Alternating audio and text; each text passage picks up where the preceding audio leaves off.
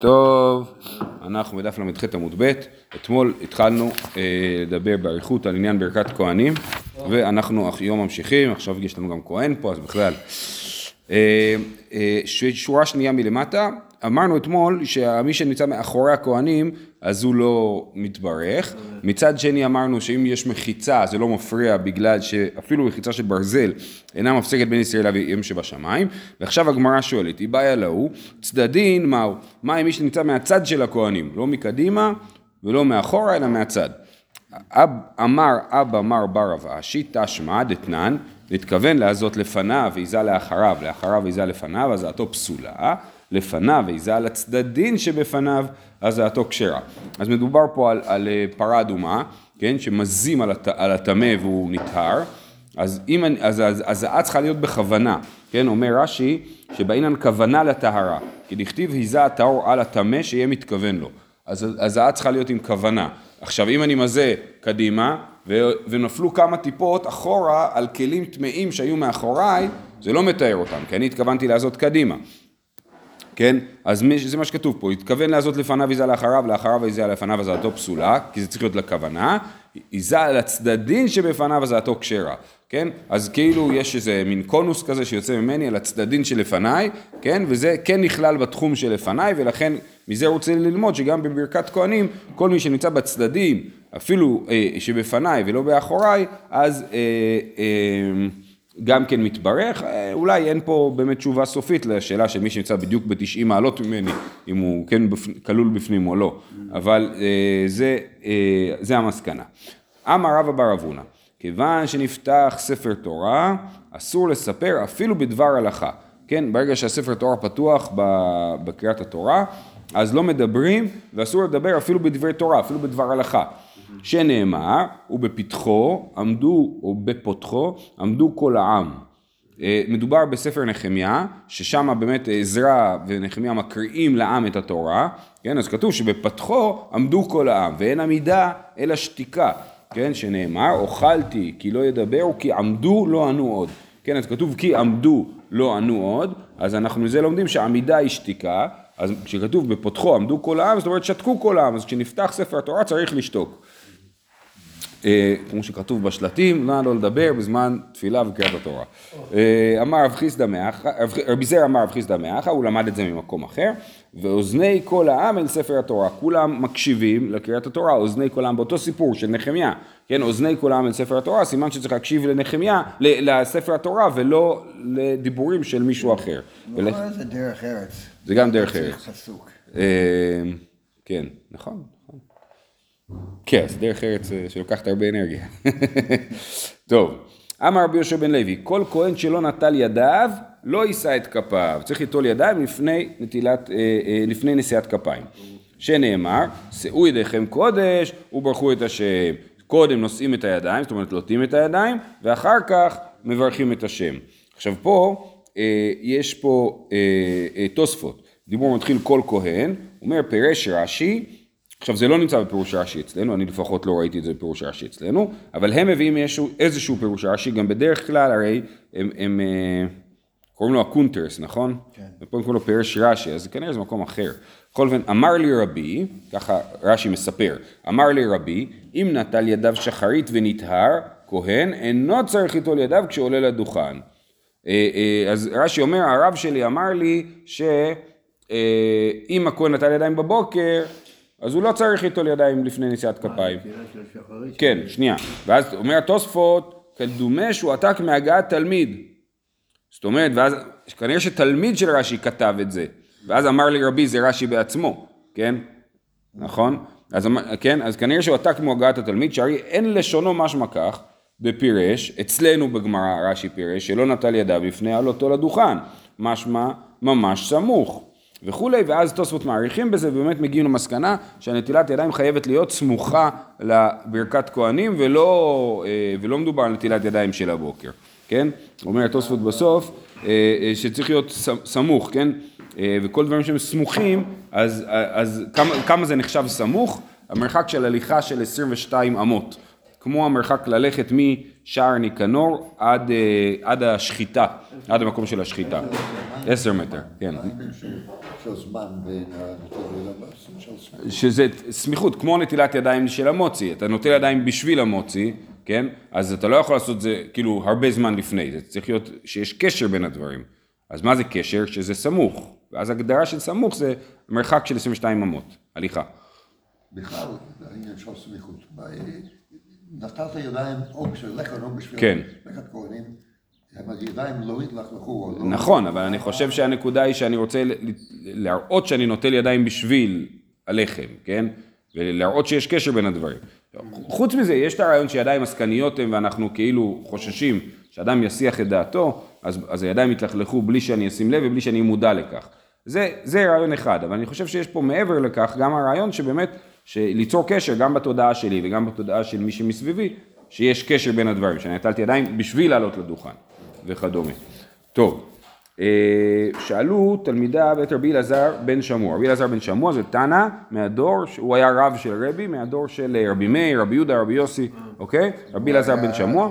אז מסתבר שהוא היה כהן. שאלו אותו במה ארכת ימים? אמר להם מימיי לא עשיתי בית הכנסת קפנד- קפנדריה, זאת אומרת לא עשיתי קיצורי דרך בדרך בית כנסת, אני אם נכנס לבית כנסת לא בשביל קיצור דרך, ולא פסעתי על ראשי עם קודש, אז רש"י מסביר שכשיושבים, כולם היו יושבים על הרצפה, והרב היה נכנס, ואז הוא צריך להתחיל כאילו לפלס לעצמו דרך בין, ה, בין כולם, אז זה נראה כאילו הוא הולך להם על הראש, כן?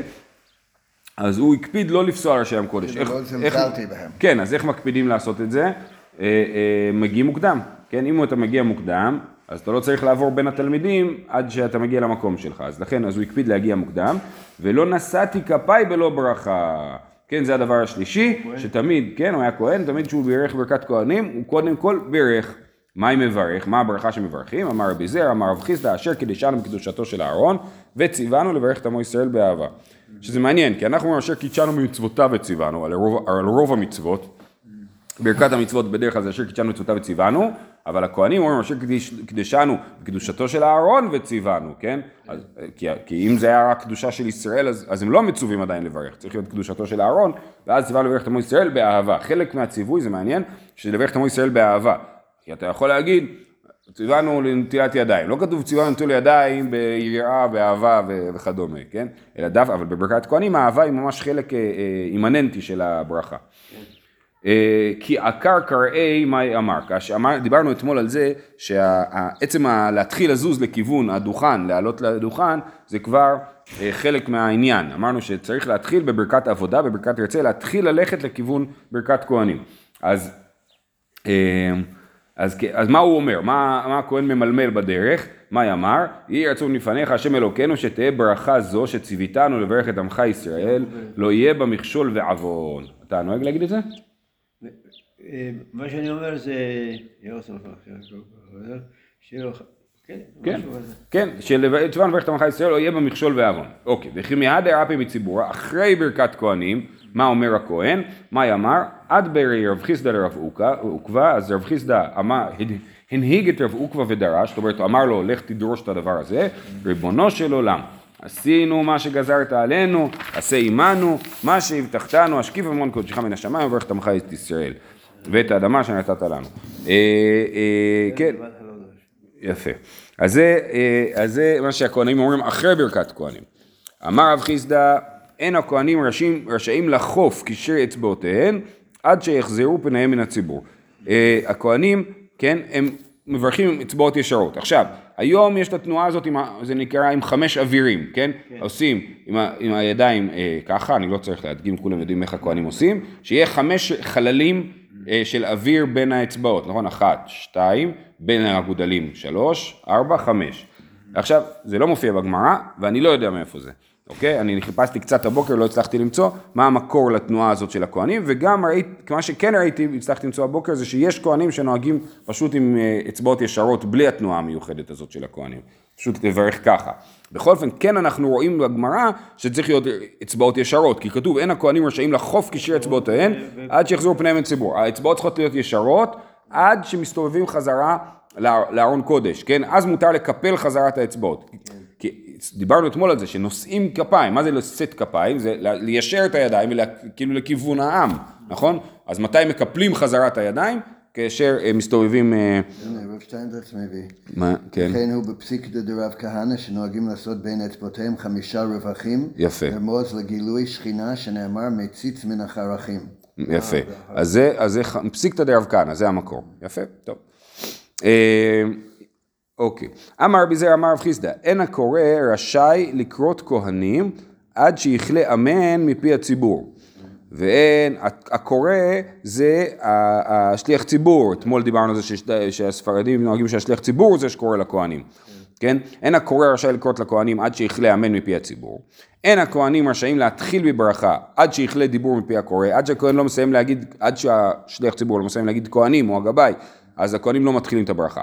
אין הציבור רשאים לעמוד אמן על הברכה הראשונה עד שתכלה ברכה מפי הכהנים. אין הכהנים רשאים להתחיל בברכה אחרת עד שיכלה אמן מפי הציבור. יפה, אז זה, אה, אה, אז זה הסדר הזה שכל פעם צריך להיזהר, לסיים את המילים שלך, עד, ש, להתחיל את המילים שלך רק אחרי שמי שאתה מגיב לו כאילו סיים. זה קצת כמו לא להיכנס לדברי חברו. אה, אה, נכון, אבל רש"י פה מסביר שזה בגלל שתרי קאלי לא משתמי, שתי קולות לא נשמעים ביחד. אה, אה, שימו לב שזה נראה פה שאין את, הדין, את המנהג הזה של, של מישהו מקריא את הברכה, כן? אה, מה שאנחנו נוהגים היום, שהשליח ציבור מקריא מילה במילה, נראה שבגמרא לא, לא היה את המנהג הזה. כי אם כן, אז היה חסר פה מה, מהתיאור, כאילו. ואמר ביזר אמר רב חיסדא, אין הכהנים רשאים להחזיר פניהם מן הציבור, עד שיתחיל שליח ציבור בשים שלום. כן, מתי הכהנים יכולים להסתובב חזרה לכיוון ארון הקודש? רק אחרי שהחזן מתחיל שים שלום. אינן רשאים לעקור רגליהם ולילך, מתי אתם יכולים לחזור למקום? עד שיגמור שליח ציבור שים שלום. עכשיו יש קשר בין שים שלום לבין, אה, אה, לבין ברכת כהנים, כן? בברכת, השים שלום גם אנחנו אומרים, אה, שים לך שלום, נכון? יישא השם פניו אליך, אה, וישם לך שלום, ככה זה נגמר ברכת כהנים, ואז החז"ל אומר שים שלום, כן? אז יש קשר בין הדברים. וגם בנוסח אשכנז, אה, אה, נוהגים להגיד שים שלום רק בזמן שהכהנים עולים או יכולים לעלות לדוכן. אנחנו אומרים שים שלום בשחרית, נכון? ובמנחה בתענית, כן? לגבי מנחה של שבת יש מחלוקת בנוסח אשכנז, כן? לעומת נוסח ספרד, שהם אומרים שים שלום תמיד במנחה, למרות שכהנים לא עולים במנחה סתם. אבל בנוסח אשכנז יש ממש קשר בין השאלה האם כהן יכול לעלות לדוכן, לבין אם אני אומר שים שלום או שלום רב. להלכה אומרים שים שלום שקוראים בתורה. שקוראים בתורה, מה זאת אומרת? אני אומר שים שלום, אה, אה, כן, כן, במנחה. כן, לא, יש כאלה שנוהגים בשבת לא להגיד שים שלום, להגיד שלום רב. אבל אתה צודק, שבשבת הרוב נוהגים להגיד שים שלום, כן, במנחה. אה, אמרנו, יפה, ואמר בזה אמר רב חיסדא, אין הציבור, יופי. עכשיו אנחנו עוברים למשהו פשוט מאוד דומה בקריאת התורה. אין הציבור רשאין לענות אמן עד שתכלה ברכה מפי הקורא. אין הקורא רשאי לקרות בתורה עד שיכלה אמן מפי הציבור, הוא צריך לחכות שמסיימים להגיד אמן. אין המתרגם, עכשיו בזמנם הקורא בדרך כלל היה זה שעולה לתורה, לא כמו היום, שיש בעל קורא שעוזר. הרי למה יש בעל קורא? באמת מי שעולה לתורה הוא זה שצריך לקרוא. הוא מברך, הוא צריך לקרוא. אבל מה לעשות שאנחנו לא יודעים לקרוא. אז יש בעל קורא שעוזר לנו, ולכן מי שעולה לתורה חייב להגיד בפה שלו גם את מה שהוא שומע מהבעל קורא, הוא לא יכול לשתוק. בכל אופן, אז מה שמתואר פה זה במ- במצב שבו, כמו אצל התימנים, שמי שעולה הוא מברך, הוא מברך והוא קורא, נכון? אז אין הקורא רשאי לקרוא בתורה עד שיכלה אמן מפי הציבור, אז הוא מברך, הוא לא נאמן על הברכה של עצמו, הוא מחכה שהציבור יענה אמן ואז הוא קורא בתורה. ואין המתרגם רשאי להתחיל בתרגום עד שיכלה פסוק מפי הקורא, נכון, מנהג שנהגו, והתימנים עד היום נוהגים, זה שיהיה מתרגם, שהוא מעביר, אומר את אותו דבר ב- בארמית, כן? אז המתרגם מחכה שהוא יסיים את הפסוק, ואז הוא מתרגם. ואין הקורא רשאי להתחיל בפסוק אחר, עד שיכלה תרגום מפי המתרגם. אתה צריך לחכות שהוא יסיים, ושוב, הכל בגלל תרי קאלי לא משתמש, שתי קולות לא נשמעים ביחד, אז צריך לחכות שהוא יסיים בשביל שאני אוכל להתחיל. אמר רבי תנחום אמר רבי יהושע בן לוי, המפטיר בנביא צריך שיקרא בתורה תחילה. אה, אה, זה ממש לא קשור, אבל יש לנו המפטיר, מי שקורא את ההפטרה, אז הוא לכאורה, הוא, הוא לא קשור לקריאת התורה, הוא קורא את ההפטרה. למה אנחנו נוהגים שמפטיר עולה לתורה? זה משום כבוד התורה, כן, להגיד שגם הוא קרא בתורה לפני שהוא התחיל לקרוא בהפטרה. אז זה אין המפטיר, המפטיר בנביא צריך שיקרא בתורה תחילה, לכן הוא לא, לא באמת חלק מהקוראים בתורה בדרך כלל, יש מחלוקת במסכת מגילה האם המפטיר הוא, הוא אחד ממניין הקוראים או לא, אבל בדרך כלל לא, אנחנו מעלים, נגיד בשבת צריך שיעלו שבעה אנשים לתורה, זה ההלכה, וחוץ מזה המפטיר עולה לתורה, נכון? אז אה, לעומת זאת, נגיד תענית ציבור, אז המפטיר הוא השלישי. כן? כי אנחנו לא מוסיפים עוד בתענית ציבור. אה, ואמר בתנחום אמר ביהושע בן לוי, אין המפטיר רשאי להפטיר בנביא עד שיגלל ספר תורה. המפטיר צריך לחכות עד שיגללו את ספר התורה. לפי המנהג האשכנזי זה כל ההגבהה והגלילה הם בסוף קריאת התורה. אז הוא צריך לחכות שיסיימו לגלול את הספר תורה.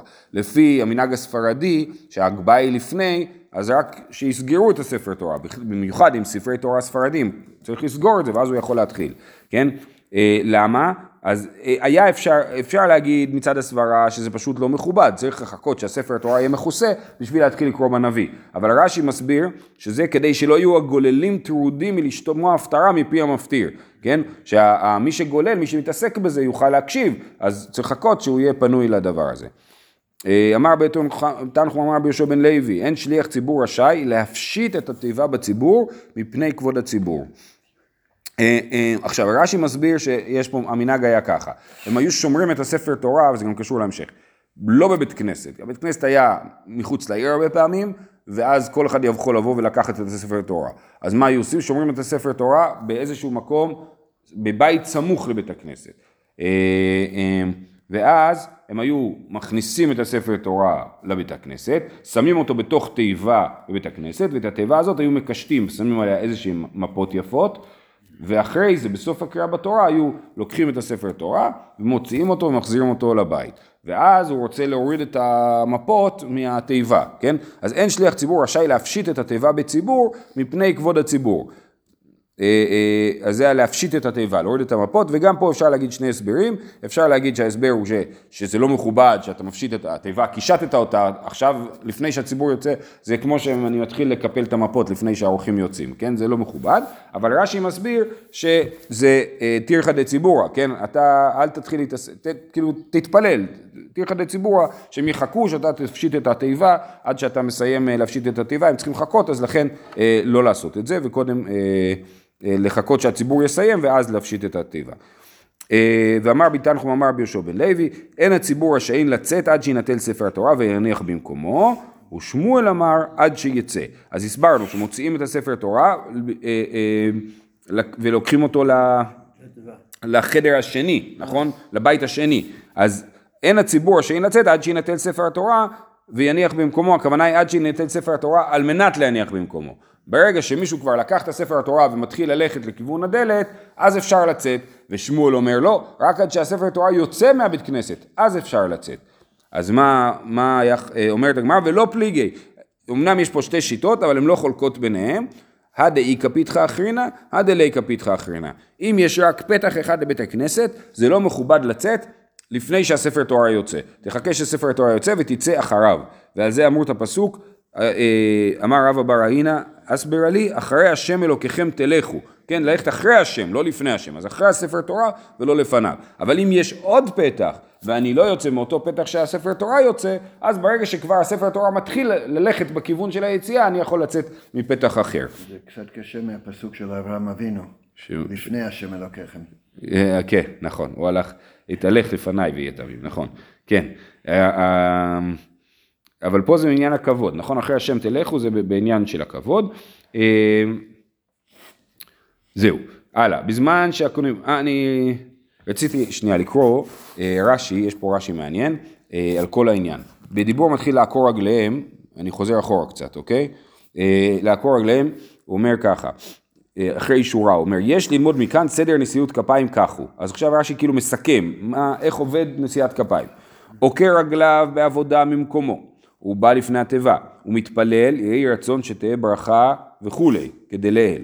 הוא מעריך בה עד שתכלה אמן של הודעה מפי ציבור. את היהי רצון הזה הוא מושך עד שהציבור עונה אמן לברכת מודים של החזן, ושליח ציבור קורא כהנים, אם שניים מהם, ואם יחיד הוא אינו קורא, כמו שראינו אתמול, שקוראים כהנים רק אם יש שני כהנים ומעלה, והוא מחזיר פניו מאליו, אה, אה, אה, כדי, כן, אה, אם, אם יש רק אחד, כן, אם יש רק אחד, אז אינו קורא ומחזיר פניו מאליו, כדי אביי דאמר לאל, לאחד אין קורא כהנים, הכהן מסתובב לבד גם אם לא קראו לו, כי הוא אחד לבד, וכשכלה דיבור מפי הקורא, מברך אשר קידשנו תותיו וציוונו וכולי, ואחר כך מתחילים בברכה. אה, יברכך השם וכולי, וכשכלה אמן אחרון מפי הציבור, הן מחזירים פניהם, חזרה לכיוון הארון, וכופפין קשריהן, יכולים לקפל את האצבעות, אם רוצים, ושליח ציבור מתחיל שים שלום, והכהנים מתפללים ריבונו של עולם עשינו מה שגזרת עלינו וכולי, ומעריכין בה, עד שתכלה ברכה מפי שליח ציבור, ועוקרין רגליהם והולכים להם. בסדר? אז זה הסדר, כל הדברים לפי שיטת רש"י. אה. טוב, אנחנו חוזרים עכשיו לגמרא. אמר ביזר אמר רב חיסדא. סליחה. בזמן שהכהנים מברכים את העם, מה הם אומרים? כן, מה הכהנים, מה העם אומר בזמן שהכהנים מברכים אותו? אומר רש"י, מה העם אומרים? שיראו מסבירי פנים ומודים לפניו על ברכותיו להראות שהן נוחות להן. איך אתה אומר תודה על הברכות שאתה מקבל, כן? אז אמר, עכשיו, כל הדברים האלה, ככל הידיע לי, אנחנו לא נוהגים ואנחנו נדבר על זה מחר, כן? מחר גם הגמרא תדון אם עושים את זה או לא. אבל זה שיטת אה, רבי זיר אמר רב חיסדא. על, אז בברכת כהנים רגילה אומרים ברכו השם מלאכיו גיבורי כוח עושה דברו לשמוע בכל דברו. ברכו השם כל צבאיו משרתיו עושה רצונו ברכו השם כל מעשיו בכל מקומות ממשלתו ברכי נפשי את השם. זה סוף פרק קג בתהילים כן? אז כאילו ברכו ברכו ברכו זה שלושה פסוקים שמתחילים בברכו אז זה, בזה אתה כאילו מודה על הברכה שאתה מקבל. אומרת הגמרא במוספי דשבתא מה הם אומרים? מוסף שבת זה כאילו משהו נפרד, זה לא ברכה רגילה, אומר רש"י שהוא נשיאת כפיים חדש, שאינו בחול, צריך לחדש את דברי העם, אז כאילו במוסף של שבת תגיד פסוקים אחרים. מה אומרים? אמר רבי אסי, שיר המעלות הנה ברכו את השם כל עבדי השם, הולכים בדרכיו, עשו ידיכם קודש ברכו את השם, ברוך השם מציון, שכן ירושלים הללויה. אז זה שילוב של אה, פרקים קל"ד וקל"ה בתהילים. אה, אה, וגם כן, יש פה את העניין של הברכה, נכון? הנה ברכו את השם כל עבדי השם, עשו ידיכם קדוש וברכו את השם, ראינו את הפסוק הזה, וברוך השם מציון. כל זה ברכות שמברכים את השם, נכון? ברכו את השם, ברוך השם, אה, אומרת הגמרא ולא מנעמי יברכך השם מציון, כי זה גם כן פסוק שנמצא שם בפרק קל"ד בתהילים, דכתיב באו עניינה. אמר יהודה ברדי רבי שמעון בן פזי, מתוך שהתחיל בברכותיו של הקדוש ברוך הוא, הוא מסיים בברכותיו של הקדוש ברוך הוא. אומרים, תעשה רצף... אה, אה, ענייני בין הברכות, ברכות שאתה ביחס לקדוש ברוך הוא, יברכך השם מציון זה ברכה ביחס אל האדם, לא אל הקדוש ברוך הוא. אז לכן יש פה שלושה פסוקים שמתייחסים לקדוש ברוך הוא. במנחתא דתעניתא מאי אמרי, אז במנחה בתענית אנחנו, הכהנים עולים לדוכן. למה הכהנים עולים לדוכן במנחה בתענית? או אפשר לשאול אחרת, למה הכהנים לא עולים לדוכן במנחה כל יום? שמא שתו. שמא שתו, יפה, בגלל שכרות. בגלל שכרות. אסור לכהן שיכור אה, לברך, כמו שאסור לכהן שיכור לעבוד בבית המקדש. אז, אה, אז שמא שתו, כי זה מאוד סביר ששתו במהלך היום, אז לא ניגש, עולים למנחה, למנחה. אבל בתענית, שיש צום, אז הם לא שתו, אז הכהנים כן עולים לדוכן. אה, לכן עולים לדוכן בתענית. וזה גם כן מיוחד, אז יש פסוקים אחרים, במנחתא דתעניתא מאי אמרי, אמר רב אחא בר יעקב, אם עווננו ענו בנו השם עשה למען שמך, זה כבר קשור לתענית, כן? לזה שאנחנו אה, אה, אה, בצום.